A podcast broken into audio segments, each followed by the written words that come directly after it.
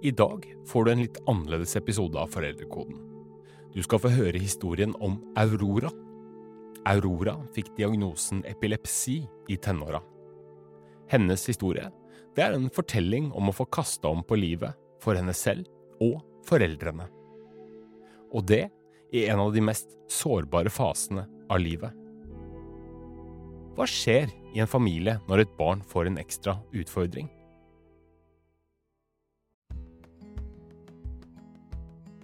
Men Auroras historie, den starter der alle andres begynner også, nemlig i barndommen. Så se for deg en helt vanlig jente. Lys i sinnet, leken, sporty og livsglad. Åh, jeg elsket det. Jeg var superflink på skolen. Ehm, jeg hadde mange venner. Aurora var sosial og ekstremt aktiv. Eh, Et eksempel var da at hele sjette klasse, for eksempel, så ehm, holdt jeg på med fem sporter eh, i uka. Så da spilte jeg tennis to ganger i uka, og så håndball en gang i uka. Kickboksing en gang i uka. Så dansa jeg en gang i uka, og så spilte jeg fotball to ganger i uka, og kanskje en kamp i helgen. Men da hun skulle begynne på ungdomsskolen, så skjedde det noe.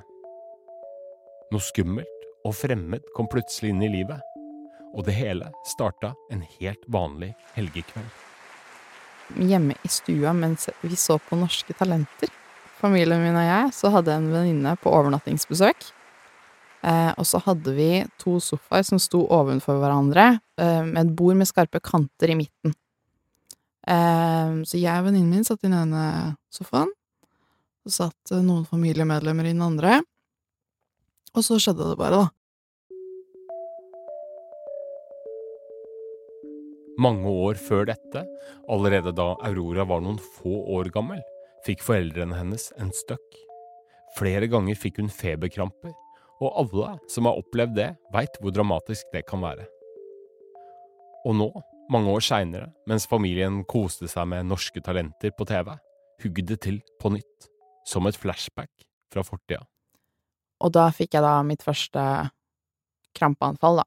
Og det er veldig aggressivt. Det ser veldig skummelt ut. Det kan sammenlignes med hvis du ser en eksorsisme i en skrekkfilm, liksom. Man ligger og skjelver. Og som om ikke det var nok, i anfallet så slo Aurora hodet i bordkanten. Og slo meg ganske mye og ble henta ambulanse. Det var en veldig brå endring som Ja, det kom mye frykt med i tillegg, da. I tida som fulgte, kom flere anfall. Aurora fikk etter hvert en diagnose epilepsi. Med diagnosen ble mye forandra. For meg så var jo det sosiale var grunnen til at jeg elsket alt, og barndommen min. Eh, så å gå fra det til å ikke kunne møte folk og være Bruke, bruke mye tid på sykehuset, eh, og etter hvert forstå at folk var redde for å være i nærheten av meg, da. Eh, det var veldig ubehagelig, og det gjorde meg veldig trist. Hva gjør det med en familie når et barn får en ekstra utfordring? Det finnes ikke ett enkelt svar på dette. Hvert barn er forskjellig, og hver familie er unik. Og om eh, barnet har epilepsi som Aurora, eller andre utfordringer, det kan arte seg helt ulikt. Men det er dette vi skal snakke om i dag. For hvordan skal man sjonglere ønsket om å beskytte og hegne om barnet, og samtidig la det leve et mest mulig normalt liv, med alt hva det innebærer av løsrivelsestrang og ønske om å være som andre? Dette er Foreldrekoden med Hedvig Montgomery, en podkast fra Aftenposten. Og jeg heter Bjørn Egil Halvorsen.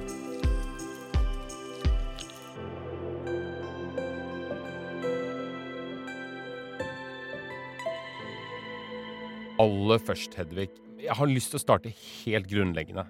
Hva er det som skjer med et menneske når det går fra å være bare en voksen til også å være en forelder? Altså, du kan jo si at uh, det var en overraskelse for meg da jeg fikk barn. Jeg trodde jeg skulle få et barn, men uh, jeg fikk jo noe å miste. Ja. Og jeg hadde tenkt på den der delen å få et barn, men jeg hadde ikke tenkt over den delen å få noe å miste. Den enorme frykten for at noe skal være galt, eller at noe At pusteren, pusteren ikke kommer inn i livet ditt, er ganske overveldende. Og på mange måter så er Altså, frykt er en sterk følelse, og når den styrer alene, så er det lite andre tanker som kommer til. Mm. Da er det det som frykten sier, som er det du gjør. Så er noe av problemet at det er ikke alltid det frykten sier, som er det beste å gjøre når du er forelder.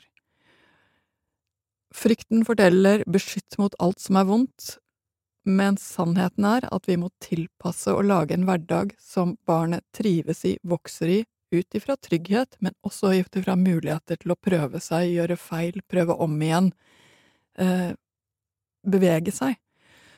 Så får du et barn som har en eller annen kronisk lidelse, et eller annet som gjør at du får både mer frykt og større behov for å tilpasse, så har du en eh, oppgave som krever at du lister deg forbi frykten opp til det å ha litt kunnskap, litt også hjelp til å håndtere din egen frykt. For akkurat som med alle andre barn, så er act cool en ganske viktig ting når du har barn med kroniske lidelser. Act cool. Jeg har lyst til å gå litt tilbake til det du sier som er på en måte helt sånn universelt her, om dette her med frykt osv. Hva gjør det når liksom barnet vokser, blir eldre og på en måte skal slite seg litt løs, da? Balansekunsten der. Altså det som er så fascinerende med dette, er at det kommer jo nye omdreininger gang på gang på gang i foreldreskapet. Og den første omdreiningen kommer jo i det øyeblikket barnet reiser seg og begynner å gå. Allerede da får du den første frykten. Skal, skal hun dette og slå seg når hun ikke får til å gå flere skritt, eller skal jeg holde henne sånn at hun ikke detter? Det er allerede en bøyg å komme over der første gangen man har blitt foreldre. Så kommer det mange flere. Det handler om å si ha det til i barnehagen og stole på at det går fint i barnehagen. Jeg tror alle har kjent på det stikket i hjertet. Hvordan er det egentlig? Hun gråt da jeg gikk. Hvordan går det nå? Hvor mange ganger du tenker på det i løpet av arbeidsdagen? Mm. Ganske mange. Mm. Eh, og hvor mange ganger du har lyst til å ringe og spørre Men nå, da? Men nå? Gråter hun nå? Fordi det, det er så vanskelig å slå seg til ro med at du har gjort det du kan.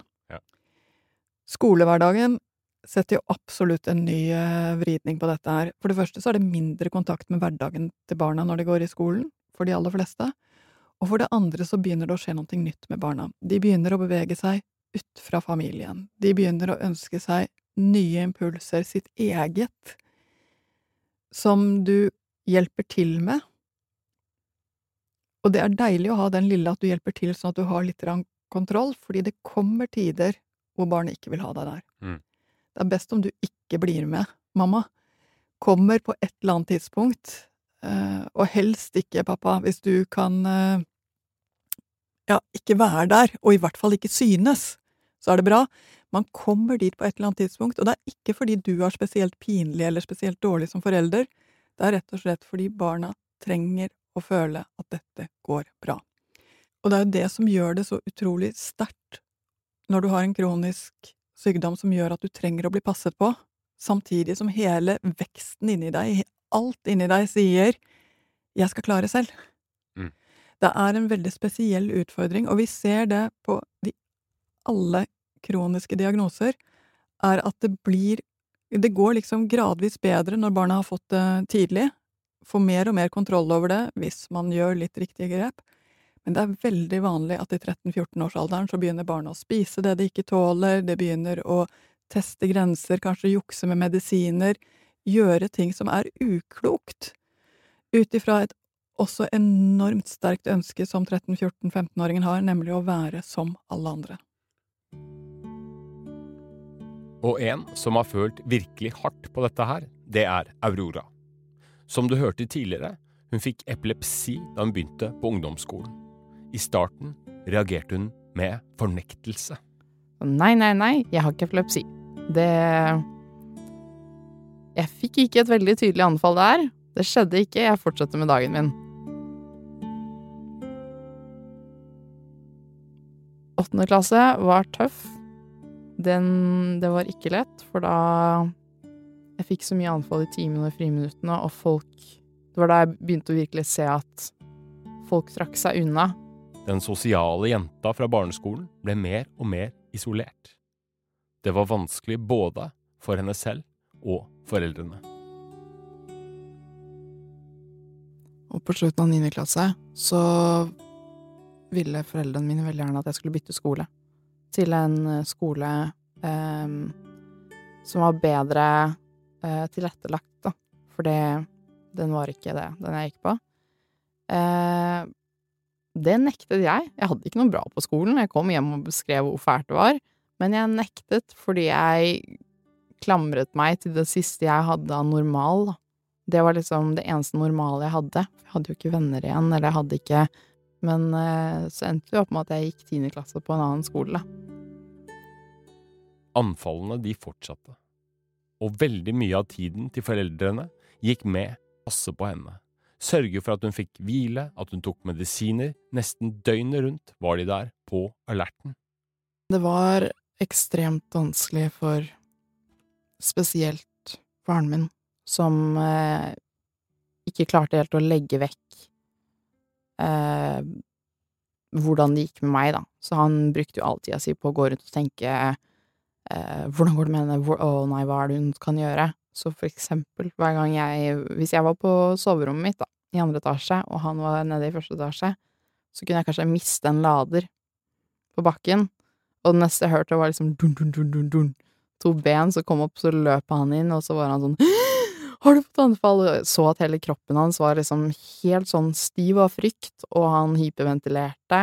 Og jeg var jo bare sånn Nå er du irriterende! Nei, jeg mistet jo bare laderen! Slapp av, ro deg ned! Og han gikk jo ut igjen helt svett. Diagnosen hadde nå begynt å skape konflikter hjemme. Jeg var ganske lett irritabel, jeg må si det, men en ting som ofte irriterte meg, var jo at de var sånn ja, har du tatt medisinene dine? Og så tok jeg medisiner tre ganger hver dag. Um, det var gjerne Har du fått sovet nok i natt? Har du spist? Uh, å nei, har du ikke spist ennå? Å, da kan du kanskje få anfall snart? Å nei! Uh, sånne ting som jeg også veldig tydelig la merke til at de for eksempel ikke spurte lillesøsknene mine med. Og det har alltid vært en litt sånn kjip ting for meg, for jeg er storesøster, jeg skal passe på dem, men så har det på en måte blitt motsatt. Eh, det sleit jeg med en god stund. Så på den ene siden var hun trist og irritert fordi hun følte seg overbeskytta. Samtidig ble Aurora mer og mer passiv. Det gjorde at jeg ble veldig avhengig av foreldrene mine. Jeg klarte ikke helt å gjøre ting selv, på eget initiativ. Selvstendigheten min var ikke-eksisterende. De årene var på en måte en sånn time out-periode i livet mitt. Og i og med at jeg ikke prøvde nye ting, så mestret jeg jo heller ikke noe. Så ofte så gikk jeg rundt, og så spurte jeg Eller hvis jeg ville gjøre noe, så kunne de for eksempel si Jeg tenker at det kanskje ikke er så lurt. Og det, i mitt hode, så hørte jo jeg den formuleringen som nei. nei. Så alle begrensningene jeg hadde, som kom fra alle mulige slags andre faktorer enn foreldrene mine også, rettet jeg mot foreldrene mine, fordi de var de eneste som verbalt sa men vi ønsker at du ikke gjør dette her. Så de ble mine syndebukker. Det var Det opplevdes som veldig urettferdig. Eh, jeg var et ekstremt tilfelle med veldig vanskelig epilepsi. Eh, om du spør meg nå, så gjorde de det de trengte for at jeg ikke skulle skade meg. Moren min har sagt at hun drev hele tiden med kalkulert risiko. Så hun var veldig pragmatisk på den måten at hun alltid tenkte at uh, ok, hvis hun går en tur alene på butikken, og hvis hun får anfall, så blir hun funnet av noen andre, og de kan levere henne tilbake, går, da går det fint. Men hvis hun skal gå og bade alene, så kan hun dø. Så den dropper vi, liksom. Uh, de beskyttet meg mot å dø. Et viktig vendepunkt for Aurora kom sommeren hun fylte 16. Etter først å ha protestert, sa hun til slutt ja til foreldrenes forslag om å dra på sommerleir med andre barn med epilepsi. Og her, i trygge medisinske omgivelser, og med andre ungdommer som forsto henne 100% var det noe som letta. Hvis jeg fikk et anfall, så var folk sånn OK, vi hjelper deg opp, skal vi fortsette å spille paintball? Det Det var Det var den første Første smaken på normalitet, da, eh, som jeg hadde hatt. Så de leirene dro jeg jo på år etter år, og ble leder for også, varme som leder. I dag, ti år seinere, er Aurora på et helt annet sted. Det går mye bedre med meg nå, nå har jeg nesten ikke anfall. Um, og jeg har muligheten til å studere og jobbe. Og jeg har mulighet til å være sosial og har mange venner og koser meg veldig. Kanskje er det en bekymring over diagnosen som aldri har sluppet taket. Kanskje er det ren omsorg, og kanskje litt av begge deler. Uansett har hennes egne foreldre ikke sluppet taket i jenta si. Får jo fortsatt meldinger 'har du tatt medisinene har du husket å gjøre det? Uh, det har blitt en vane som går på autopilot hos dem også, uh, hvor de bare på en måte trenger å bli beroliget litt.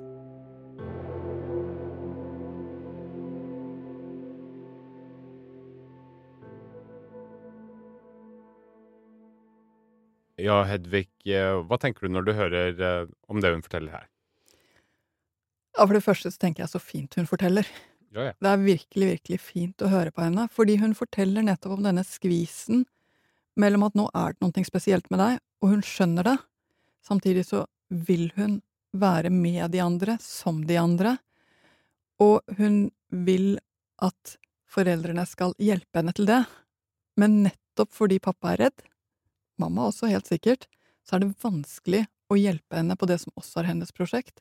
Og i tillegg så har hun fått en alvorlig sykdom. Det er en sorg å få en sykdom av denne typen som du både er mye utprøving av medisiner, mye usikkerhet, tar lang tid før det lander i en form for balanse. Så hun, hun har mye å få armene rundt i en tid hvor det egentlig er nok å bare være. Hvorfor klaffer dette her så dårlig i akkurat i ungdomsåra, å få eh, en sånn eh, ja, noe ekstra? Altså, det er jo ganske interessant, fordi ungdomsårene er en belastning på både kropp og sinn i seg selv. Og det betyr også at ungdommer er ekstra sårbare, så ungdom blir faktisk lettere syke, får utløst ting som ligger latent, som ikke har kommet før, altså som ligger der og kan komme, nettopp fordi at de blir nedslitt. Så det er en alder som er mye, mye mer sårbar enn det vi tenker på den som. Og hvis vi da legger oppå det at det er en alder hvor ungdommene har en sosial, veldig kraftig driv mot å komme inn i en gruppe, høre til, være med, og også veldig usikker på om de kommer til å få det til, om det blir bra, dette er tvilens år, så sier det seg at når du da får både denne du er ikke som alle andre, veldig tydelig beskjed, og nå blir det mye som ikke handler om deg og ditt, men som handler om at du skal være på legekontor, du skal være på sykehus, vi må passe på deg på en helt ny måte, i en alder hvor alt i deres identitetsutvikling handler om jeg må finne ut av dette selv. Så det krasjer dårlig, og Aurora er ikke alene om dette, det er ganske mange ungdommer som går igjennom dette mhm. hvert eneste år. Og hva er det du typisk ser i sånne familier, da? Det ene jeg ser, det er at sånn sett så hadde det jo alltid vært bedre om sykdommen hadde kommet før. Fordi når du som forelder får et barn det er noe med, så kommer for det første en helt ny frykt inn. Og du må lese alt om den sykdommen, du må finne ut av den, du må forstå den, du blir nesten litt sånn enøyd opptatt av den. Google blir din beste venn, eh, men også din verste fiende. Det går utover nattesøvn, og det går utover alt, for du må vite, må forstå, må få armene rundt. Og det gjør at du lett glemmer alt det andre med barnet. Alt det andre som skjer. Hva tenker du på da? Du glemmer en helt vanlig ting som å, å se at hun har gjort noen ting, bakt boller, skal på trening… Altså andre ting blir rett og slett så Hverdagen blir uviktig i forhold til å forstå dette. Og på en måte så er det jo sant. Det er viktig å forstå dette det, nå, men barnet har, og ungdommer har, et veldig behov for å være hele seg, ikke bare sykdommen sin. Det gjelder også når sykdommen er ny. Så det å se hverdagen, se de vanlige tingene, se det andre som skinner i barnet, det har betydning for at dette skal bli fint for barnet. Og det er virkelig å jobbe mot en tyngdekraft, for tyngdekraften, og spesielt i våre dager, hvor du alltid kan søke etter litt mer informasjon, hvor du alltid kan prøve å finne ut enda litt mer, enten klokken er ett om natten eller om det er i kontortiden, så er det nesten en ting å jobbe mot for de aller fleste. Mm. Det tar tid å finne ut av dette her, og du har tiden. Så hvilke feller er det Ja, det høres ut som du er inne på en slags felle her, men hvilke feller er det foreldre til barn som eh, har litt ekstra utfordringer, gjerne går i? Jeg tenker at vi har egentlig to grøftekanter, for okay. å si det det. Den ene grøftekanten er den vi har snakket om nå, nemlig å bli så opptatt av sykdommen, så opptatt av å beskytte barnet, at barnet ikke får lov til å gjøre vanlige ting, føle seg vanlig, smile på en vanlig måte, være på en vanlig måte, hvor enhver liten ting blir tolket inn i sykdom, og ingenting blir sett på som deg. Det er en felle, fordi barn som blir overbeskyttet, gir lite grann opp. Det å prøve, det å få lov til å strekke seg, er noe av det som gjør oss sterke. Så derfor er denne overbeskyttelsesgrøften ganske vanskelig for barnet, og også ganske slitsom for foreldre. Mm. Men det finnes en grøft i andre, på andre kanten, det må jeg si, Hvilken er det? og det er nei, nei, dette er ingenting, du er som alle andre, ikke bry deg om det. Og så hjelper man ikke barnet med å forstå hva denne sykdommen handler om, man hjelper ikke barnet med å få det til å fungere på skole eller inn i fritidsaktiviteter, man gjør ikke det som skal til for at barnet skal kunne leve sånn noenlunde ok med det, fordi man tenker det må du bare bli vant til. Er det så mange som går i denne? Ja, treffer i ny og ne barn som har hatt foreldre som har gått i eh, overse-fellen, Mm. Uh, Og det er klart, det er heldigvis færre. Men det gjør at barnet blir veldig, veldig ensomt med det som eh, handler om å forstå hva er dette, og hvordan skal det håndteres. Mm. Så allting som er midt imellom disse to ytterpunktene, kommer til å fungere ganske bra. Ja. Og midt imellom disse ytterpunktene så ligger det ting som å sette seg inn i hva må vi gjøre annerledes, hva trenger skolen å vite, eller barnehagen, formidle det tydelig, se etter hva er det dette her, når er det det ikke er så farlig, når hva er det vi ikke trenger å tenke så mye på, passe på at det er hverdag, at det er den lille tingen som bare handler om hei, har du gjort leksene, hvordan går det, helt sånne småting. Ikke bare 'har du tatt medisinen din', liksom? Nettopp. Eh, Det er ting som handler om å le sammen. Fordi et eller annet sted når vi kan le en liten latter sammen, så kjennes allting helt vanlig ut igjen og delt. Så alt det som ligger på midten, hjelper. Og så er det vel kanskje et eller annet med at, at barna, eller ungdommene her, da, også må på en måte etter hvert gjøre jobben sjæl. Eh, og hvordan skal man liksom eh, få til den overgangen der? Altså, jeg tror jo det å eie sin egen eh, sykdom, eller, eller sitt eget problem, blir mer og mer viktig jo eldre barna blir.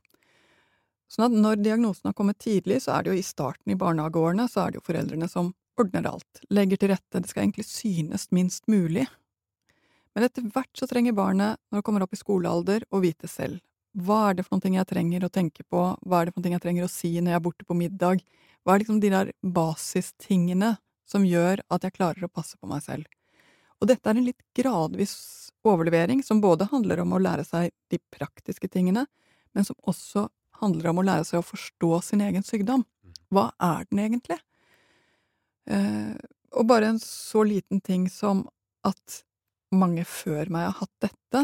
Eh, gamle dager gjorde man sånn med det, nå gjør vi slik. Altså, den type litt sånn nesten litt fun fact-aktige ting gjør at barn kjenner at de har mer kunnskap enn det andre har om denne sykdommen. Og det gjør at de også eier den mer og håndterer den bedre. Så jeg tenker at disse små dryppene både av kunnskap om sykdommen og informasjon om dette er det folk trenger å vite, sånn at det skal gå bra, eller dette er det du trenger i sånne situasjoner å passe på for at det skal fungere. Det er små drypp som de bør få fra åtte-niårsalder og fremover, til du kommer opp i tenårene. Og der har du jo noe av problemet når diagnosen kommer i tenårene, Mhm. fordi da har ikke denne overføringen skjedd.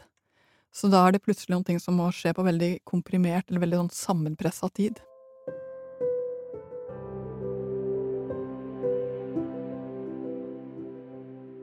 En ting er jo hvis barna har en diagnose eller et syndrom eller et eller annet sånt noe. Men så er det jo noen som bare er litt annerledes, som du ikke får helt grep om. Og da kan foreldre gjerne oppleve at sånne generelle eh, råd ikke hjelper. Mm. Hvordan preger det foreldre når man liksom ikke Det funker ikke på ens eget barn? Det er jo fascinerende, for hva er det for noe oppveksten handler om? Jo, det handler om å lære seg å leve med seg selv, sånn som jeg er. Og de aller fleste barn har sine greier, på et eller annet nivå. De har sine små kjennetegn, sine små særheter, sine små også ting de må komme rundt. Så de aller fleste barn er det et eller annet med, og noen barn er det ganske mye med. Ja. Og noen ganger er det ganske mye sånn at man kan putte det inn i noen ting som høres ut som en merkelapp eller en bås, mens andre ganger så er det bare hm, dette har vi ikke helt forstått hva det er for noen ting, eh, men her må vi gjøre ting litt annerledes for at det skal bli bra. Det er helt sant at for de aller fleste barn så fungerer generelle råd veldig fint, men for alle barn som trenger en liten sånn tilpasning av de rådene, så kan til og med de rådene bli helt feil. Mm. Det kan gjøre at barna oppfører seg enda dårligere. Eh, Rådet bare overse kan for mange barn fungere helt fint, mens for de barna som strever mest, så vil det føre til et raseri og en utagering som virkelig ikke er nyttig. Mm. Um, så generelle råd er nettopp det. De må tilpasses akkurat dette barnet. Og når foreldre møtes mye med ja, men vet du hva, vi gjorde bare sånn, det var Ja, ja, ganske ja. lett, -hmm. Eh, og du vet at dette her, det kommer ikke til å fungere, du trenger ikke engang å prøve det, eller du prøver det og det fungerer ikke, så får deg til å føle deg ganske mislykka som forelder. Mm. Hvorfor får ikke jeg det til? Følelsen kommer lett. Jeg vet i hvert fall én ting. Hvorfor får ikke jeg det til? Deles av veldig mange foreldre mens du og jeg sitter og snakker her nå. Mm. Fordi sånn er det. Det er alltid en ganske stor andel barn som eh, trenger denne skreddersømmen av veldig forskjellige årsaker. I familier hvor det er noe ekstra med barna, da, om det er en, en sykdom eller en diagnose, så er det jo sikkert vanlig å ha nettverk innad i sånne eh, støtteforeninger eller, Mm. eller tilsvarende, hvor man liksom møter likesinnede, og, og Mm. der, er det, der er det Da veit man hva man snakker om. Men så tenkte jeg på de, de som står utenfor. Der er det sikkert også mulig å gå i noen feller. Eh, og det ene er vel kanskje å tenke at Ja, ene er jo å ikke bry seg, sikkert. Eh, men det kan jo være eh, altså, positivt ment, egentlig, at man tenker at man ikke skal pådytte noe, noe utenfra. Men da blir det man kanskje litt sånn eh, for passiv, for det, kanskje de eneste de vil, er at bare noen kommer og er helt vanlig. Eller hva, hva slags rolle skal man innta som en, en utenforstående til en familie som har en del issues, da? Som utenforstående så tror jeg det viktigste er å faktisk prøve å sette seg litt inn i det selv. Mm. Hva er det dette handler om? Uh, når du ikke er redd, så er det mye lettere å google på passe nivå. Men det andre jeg tror vi skal være klar over, er at ja, det finnes foreninger, og ja, det er viktig å søke fellesskap med andre foreldre som har opplevd det samme, som har vært igjennom noen ting av det samme. Men så vet jeg også at mange foreldre kjenner at det kan bli litt mye klaging og litt lite positivitet inn når man setter seg sammen, for det er så deilig å endelig ha noen som man kan klage sammen med. Den der ansvaret for at både håpet og kunnskapen og den bekymringen som gjør deg akkurat passe på alerten, tas vare på, det er det bare du selv som kan eh, passe på den balansegangen. Og det er litt forskjellig hvordan man passer på den balansegangen. Hvem det er bra det å snakke med. Pass på at du snakker med litt forskjellige stemmer, ikke bare de som tar deg inn i det verste som kan skje, men også de som viser det beste som kan skje. Pass på at du hører på den som er viktigst i behandlingen av barnet ditt, men når du merker at behandlingen ikke er bra nok, se etter hva annet som kan komme i tillegg, men ikke ta det i riktig rekkefølge, innenfra og ut, fra de nærmeste og de som er mest kompetente.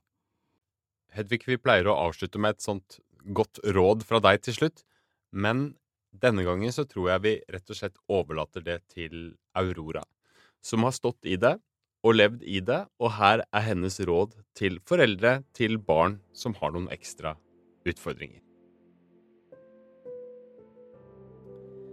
Barnet er allerede annerledes enn de andre barna, og at det er viktig å ikke sykeliggjøre barnet. Det er viktig å se etter hver eneste mulighet hvor barna har, kan, hvor de kan føle seg normale, og la dem gjøre det.